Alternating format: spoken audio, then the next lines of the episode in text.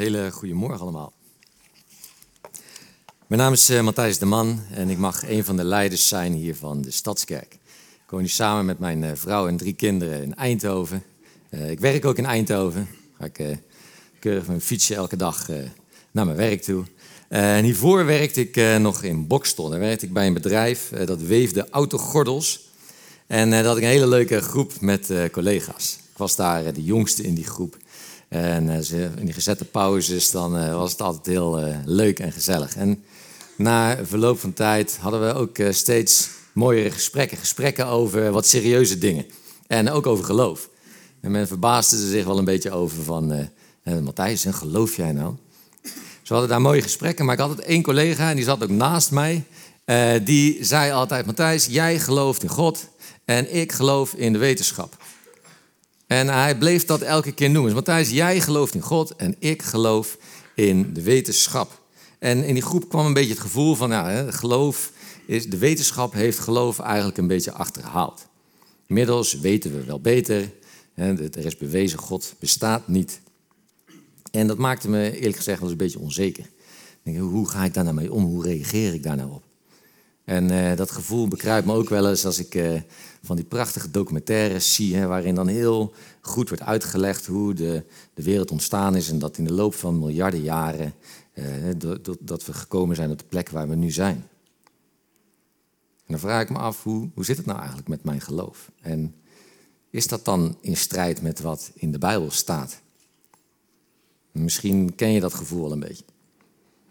Misschien ben je op zoek naar meer van God en heb je dat soort vragen in je achterhoofd. Hoe zit dat nou met, is het wetenschap versus geloof?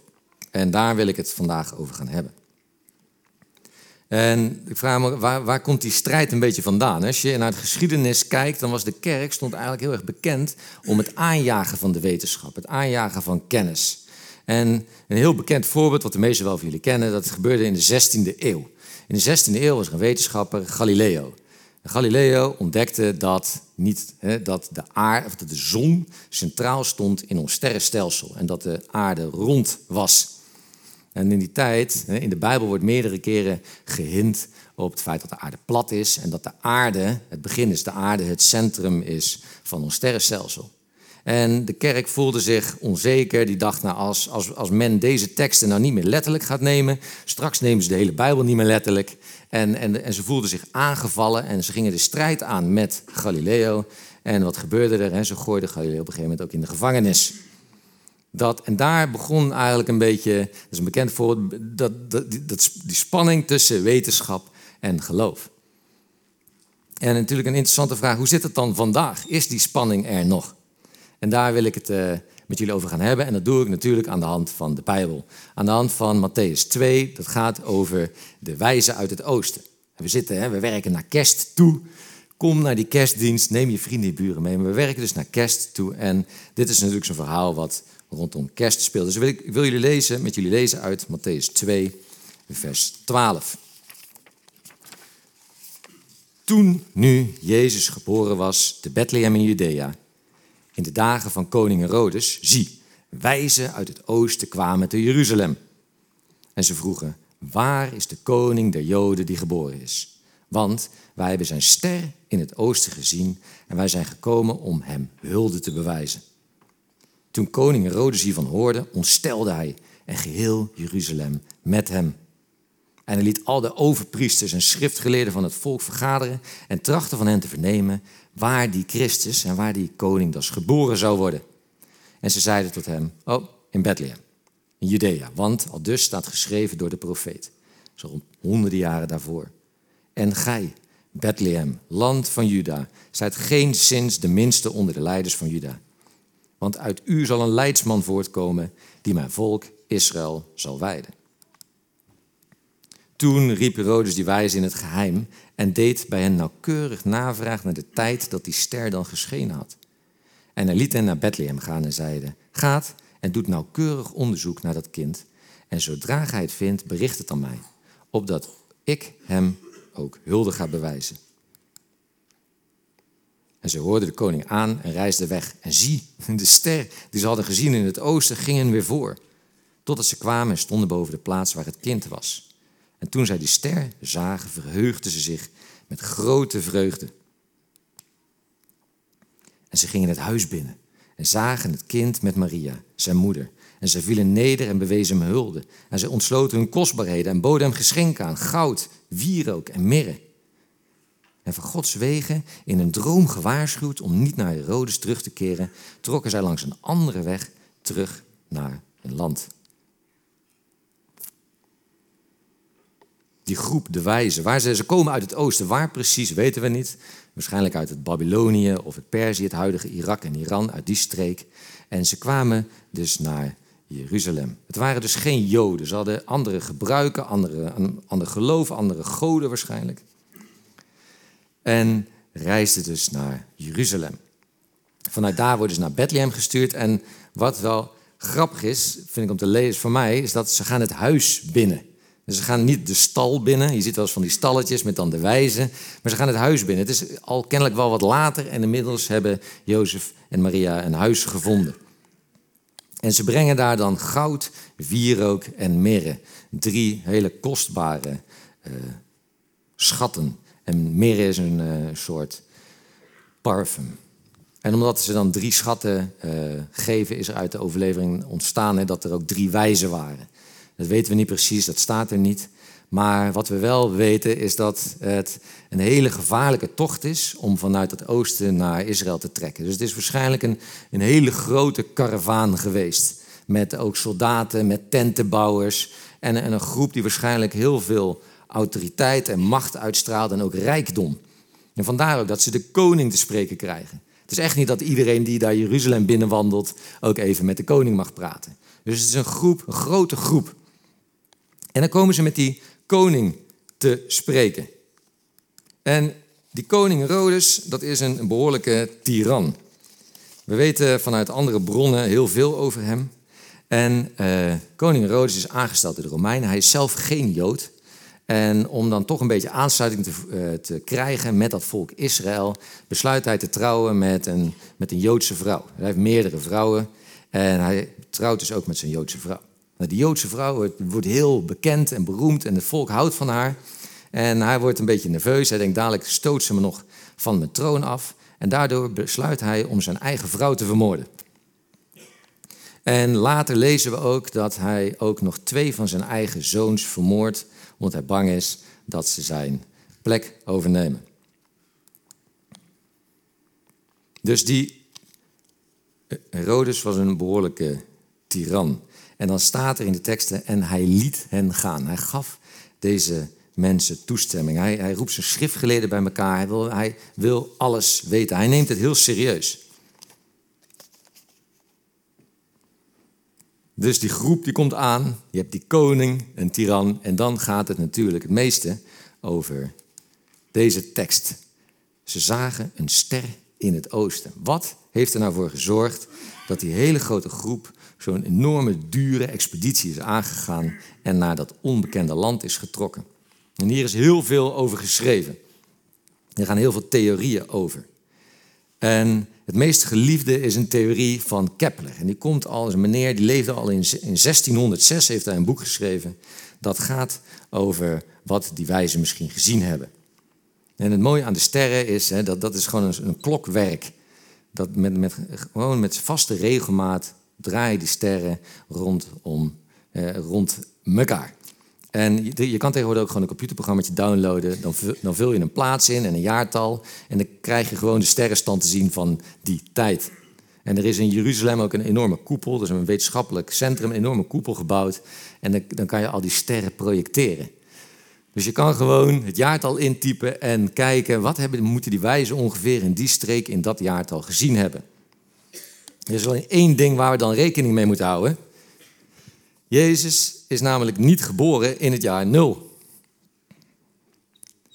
In 525 is er een bisschop geweest en die heeft, met de mogelijkheden die hij toen had, bedacht van wanneer Jezus ongeveer geboren zou moeten worden. En toen heeft hij de jaartelling bedacht. Dus pas in, het jaar 525 is die jaartelling bedacht. En pas 400 jaar later, in de 10e eeuw, zijn ze die jaartelling ook echt gaan gebruiken. Want we weten nu, over die koning Herodes, daar vertelde ik net al een beetje over. Daar is heel veel over gevonden. Als je naar in Jeruzalem heb je het museum over Israël en de staat kan je gewoon zijn graftombe nog zien. En we weten inmiddels dat eh, koning Herodes in het jaar 4 voor Christus al is overleden. Nou, we, hebben, we hebben net in de Bijbel gelezen dat Herodes en Jezus in dezelfde tijd hebben geleefd. Dus waarschijnlijk uh, is Jezus zo in het jaar 7 voor Christus geboren. En als je dan naar de sterren gaat kijken, dan, uh, uh, dan zie je wel iets bijzonders. In dat jaar, in die streek, heeft namelijk een conjunctie plaatsgevonden. En wat is dat? De planeet Jupiter, dat was in die tijd de goden ster, en de planeet Saturnus, dat was de ster van de goden zonen, die kwamen zo dicht bij elkaar dat ze samen smelten. Dat er dus een sterke licht kwam van die twee planeten in die tijd noemden. Dus dat sterren die kwamen dus samen en er kwam een sterke licht vandaan. Dan kan je, je kan je voorstellen, als twee hemellichten samen smelten en tot één worden, dat dat een geboorte uitbeeldt in die tijd. Daar lazen ze een geboorte in. Nou is dat samensmelten nog niet zo eens bijzonder. Dat gebeurt één keer in de 19,98 jaar. Maar in 7 voor Christus gebeurde dat drie keer achter elkaar. Drie keer achter elkaar was dat fellere licht doordat die twee sterren bij elkaar kwamen. En dat is heel uniek. Dat gebeurt zo weinig dat ook helemaal niemand in deze zaal dat ooit gaat meemaken. De volgende keer is in uh, 2238. Maar dat drie keer samensmelten van die koningsster en de godenzonenster, dat beelde waarschijnlijk voor die mensen uit. Er, nou is er wel een heel bijzonder iemand geboren. Er is een godenzoon geboren. En dat speelde zich af in het sterrenbeeld vissen. En in die tijd waren mensen heel veel bezig met sterrenbeelden, horoscopen. En die wijzen waren de wetenschappers van die tijd. En die stonden voor streken en dat stond voor de streek Israël.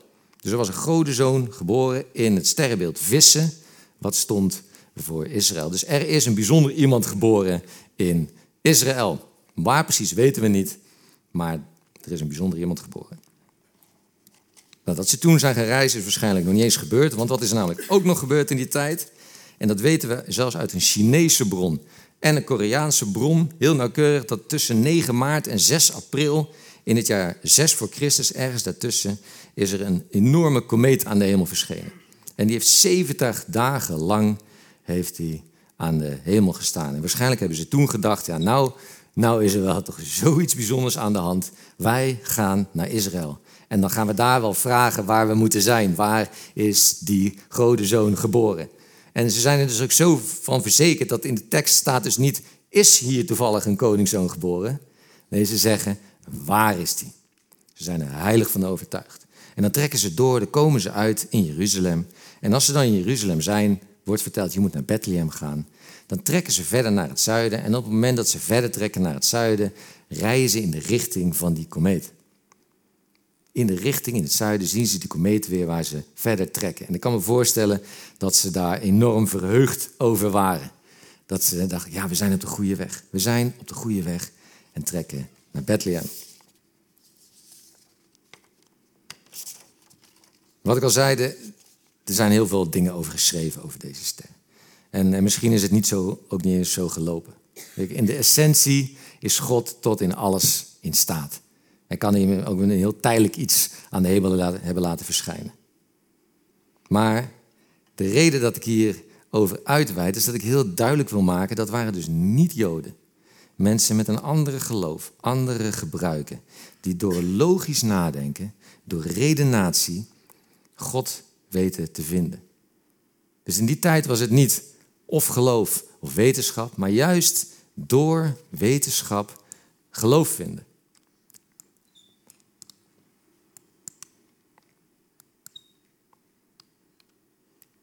Ik ben mijn klikker kwijt. Batterij op. Dus de volgende dia graag. Michelangelo. Oh, oh, oh. I know a lot about him. Michelangelo. I know a lot about him. We doen het zonder. En waarom ik het belangrijk vind om daar wat over uit te wijden, is omdat ik mezelf daar wel in herken. Ik ben vroeger, al- ik was altijd best wel goed in eh, natuurkunde en wiskunde.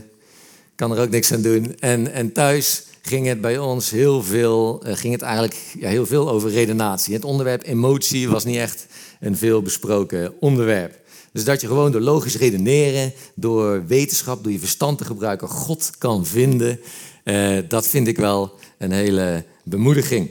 En Jezus is ook nergens negatief over redeneren, over, over dingen uitzoeken. En dat vind ik, eh, dus dat is een geruststelling.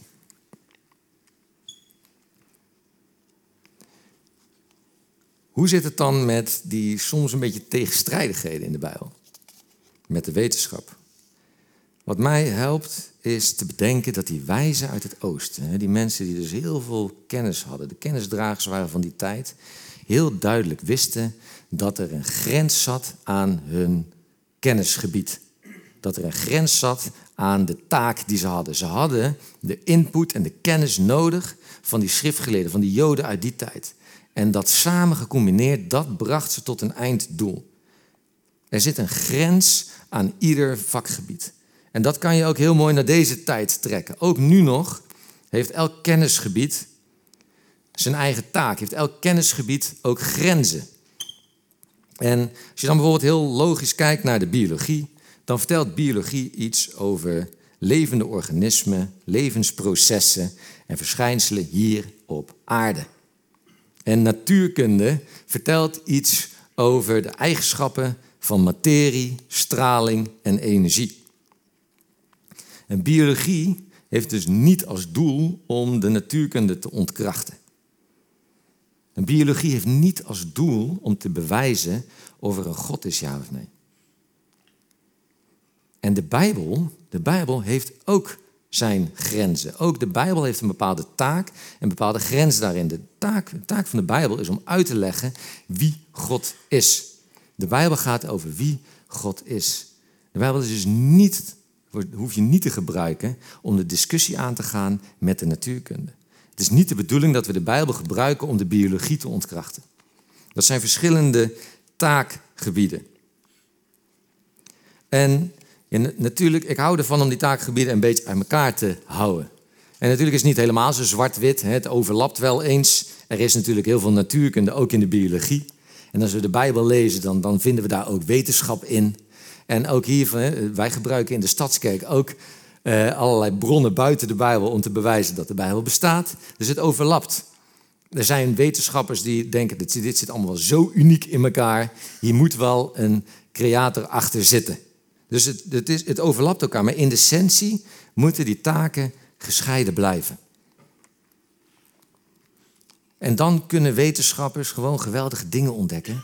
Zonder dat ik me daar onzeker over hoef te voelen. Of laat staan aangevallen voel.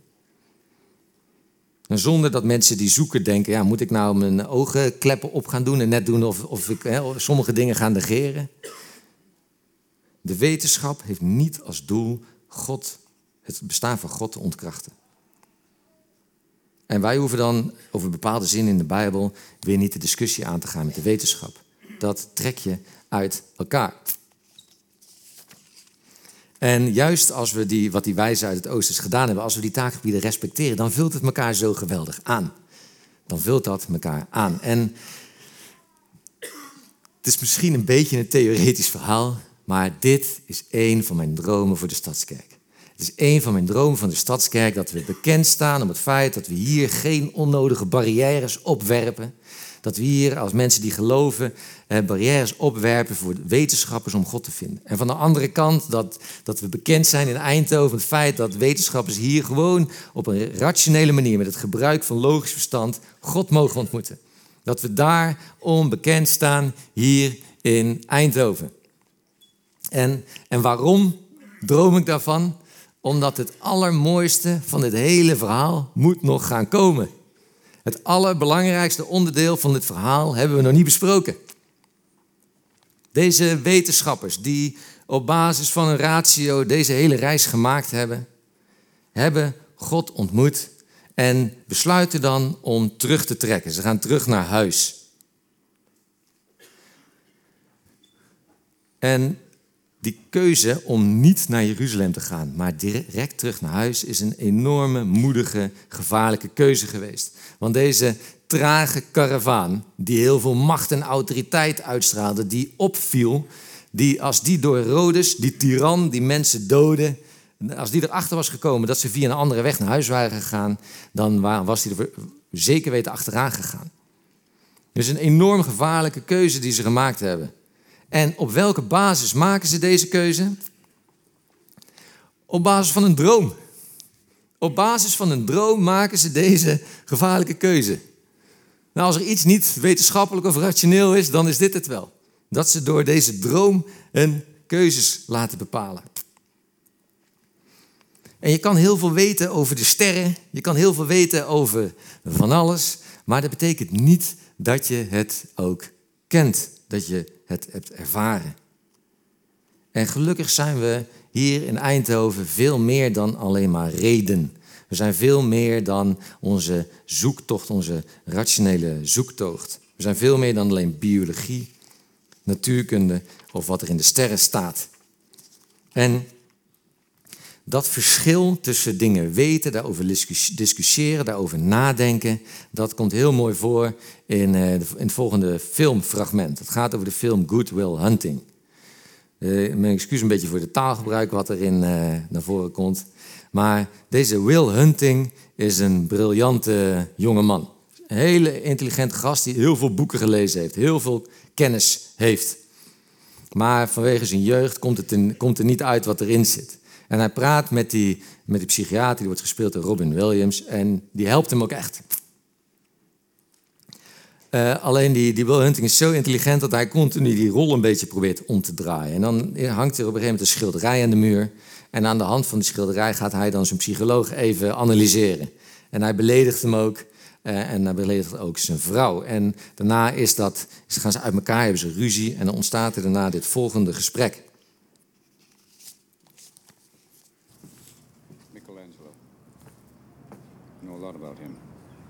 life's work, political aspirations, him and the Pope, sexual orientation, the whole works, right?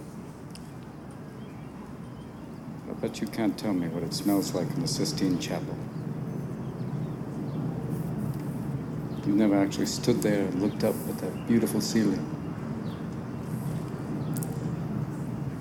Seen that. If I ask you about women, probably give me a syllabus of your personal favorites. You may have even been laid a few times.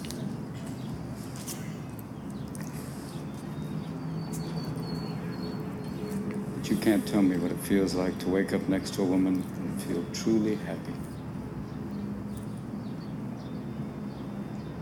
You're a tough kid. I ask you about war, you'd probably uh, throw Shakespeare at me, right? Once more into the breach, dear friends. You've never been near one. You've never held your best friend's head in your lap and watch him gasp his last breath looking to you for help. I ask you about love. You probably quote me a sonnet. But you've never looked at a woman and been totally vulnerable. Known someone that could level you with her eyes. Feeling like God put an angel on earth just for you could rescue you from the depths of hell. And you wouldn't know what it's like to be her angel. To have that love for her be there forever. Through anything. Through cancer. And you wouldn't know about sleeping sitting up in a hospital room for two months, holding her hand, because the doctors could see in your eyes that the terms visiting hours don't apply to you. You don't know about real loss because that only occurs when you love something more than you love yourself. I doubt you've ever dared to love anybody that much. I look at you, I don't see an intelligent, confident man. I see a cocky, scared, shitless kid. But you're a genius, Will. No one denies that. No one could possibly understand the depths of you. But you presume to know everything about me because you saw a painting of mine. You ripped my fucking life apart. You're an orphan, right?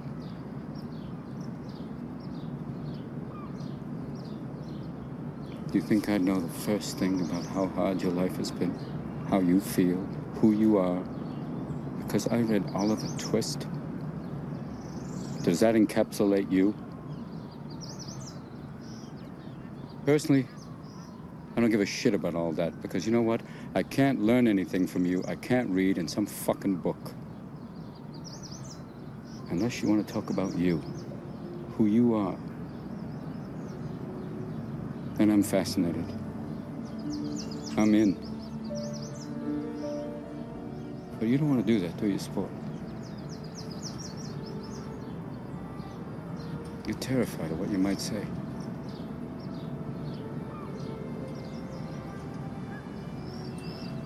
Your move, Chief.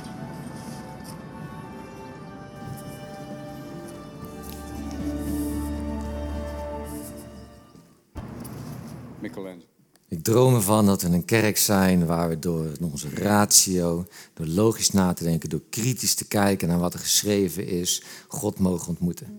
Dat het niet langer is geloof of wetenschap, maar dat het wetenschap en geloof is. En dat die taakgebieden, die kennisgebieden elkaar juist aanvullen. Maar dat is niet het einde. Dat is het begin. We zijn zoveel meer dan alleen onze hersenen. We hebben ons hart waarin we met vo- volle passie ergens in mogen gaan. We hebben onze handen waarmee we ergens vol, iets vol mogen aanpakken.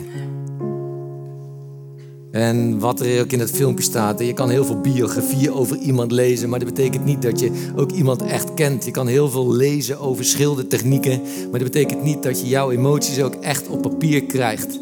Je kan heel veel lezen over voetbal, maar je wordt er geen Messi van. En zo is het ook met God. Je kan jaren naar Bijbelstudies gaan. Je kan jarenlang alles lezen, onderzoeken, twijfelen, met iedereen de discussie aangaan. Maar er moet een moment komen dat je zegt: Ik ga hier vol voor. Niet alleen met mijn hersenen, maar ook met mijn hart en met mijn handen. Ik ga hier vol voor. Dat die rationele zoektocht op het moment komt dat je zegt: "De- Die droom, die ontmoeting. En dat je net als die wijze uit het oosten neerknielt bij God. Dat je knielt en je schatten aflegt. En het begint met dat knielen en die droom kwam pas later. Het begint met neerknielen en zeggen: God, dank u wel dat u naar de aarde kwam. U bent de redder. En ik heb er, ik heb er zo lang over nagedacht, maar ik wil, ik wil all in. Ik wil met mijn hart, mijn hoofd, mijn handen, alles wil ik hiervoor gaan. En waar het dan eindigt, dat, dat, weet ik niet. En, en, en dat neerknielen, dat is een hele, hele eenvoudige handeling. Maar dat is natuurlijk, heeft zoveel gevolgen. Maar wat er in dat filmpje ook zegt, hè? It's your choice. It's your choice. Die keuze ligt bij u. En misschien, hè, we geloven al heel lang. Maar is er iets in je leven waar je verrekt te veel verstand van hebt? Waar je heel, wat je heel goed weet, waar je kennis over hebt. En wordt het vandaag tijd dat je, dat, dat je neerknielt en zegt, ik ga, er, ik ga er helemaal voor. Ik wil het niet alleen weten, ik wil het ook uitleven. Met alle risico's van dien. Misschien zit je hier vandaag en, en ben je al heel lang aan het zoeken en het ontdekken en het lezen. En heb je al heel veel discussies gevoerd en is het vandaag tijd dat je zegt, ik kniel neer en ik ga hiervoor. Ik wil het niet alleen maar weten, maar ik wil het ook uitleven. En ik wil vragen of jullie met z'n allen gaan staan. We gaan een lied zingen wat, wat hierover zingt. Dat de wijzen uit Eindhoven, de wijzen uit Eindhoven hier in de Stadskerk God mogen ontmoeten, mogen gaan geloven, maar dat er ook een moment is dat we zingen, dat we neerknielen en zeggen: God, ik ga hiervoor. Dus ik wil vragen als je dat beleeft, als je dat iets hebt waar je heel veel over weet, dat je met dat lied meezingt en meeknielt, net als de wijze uit het oosten.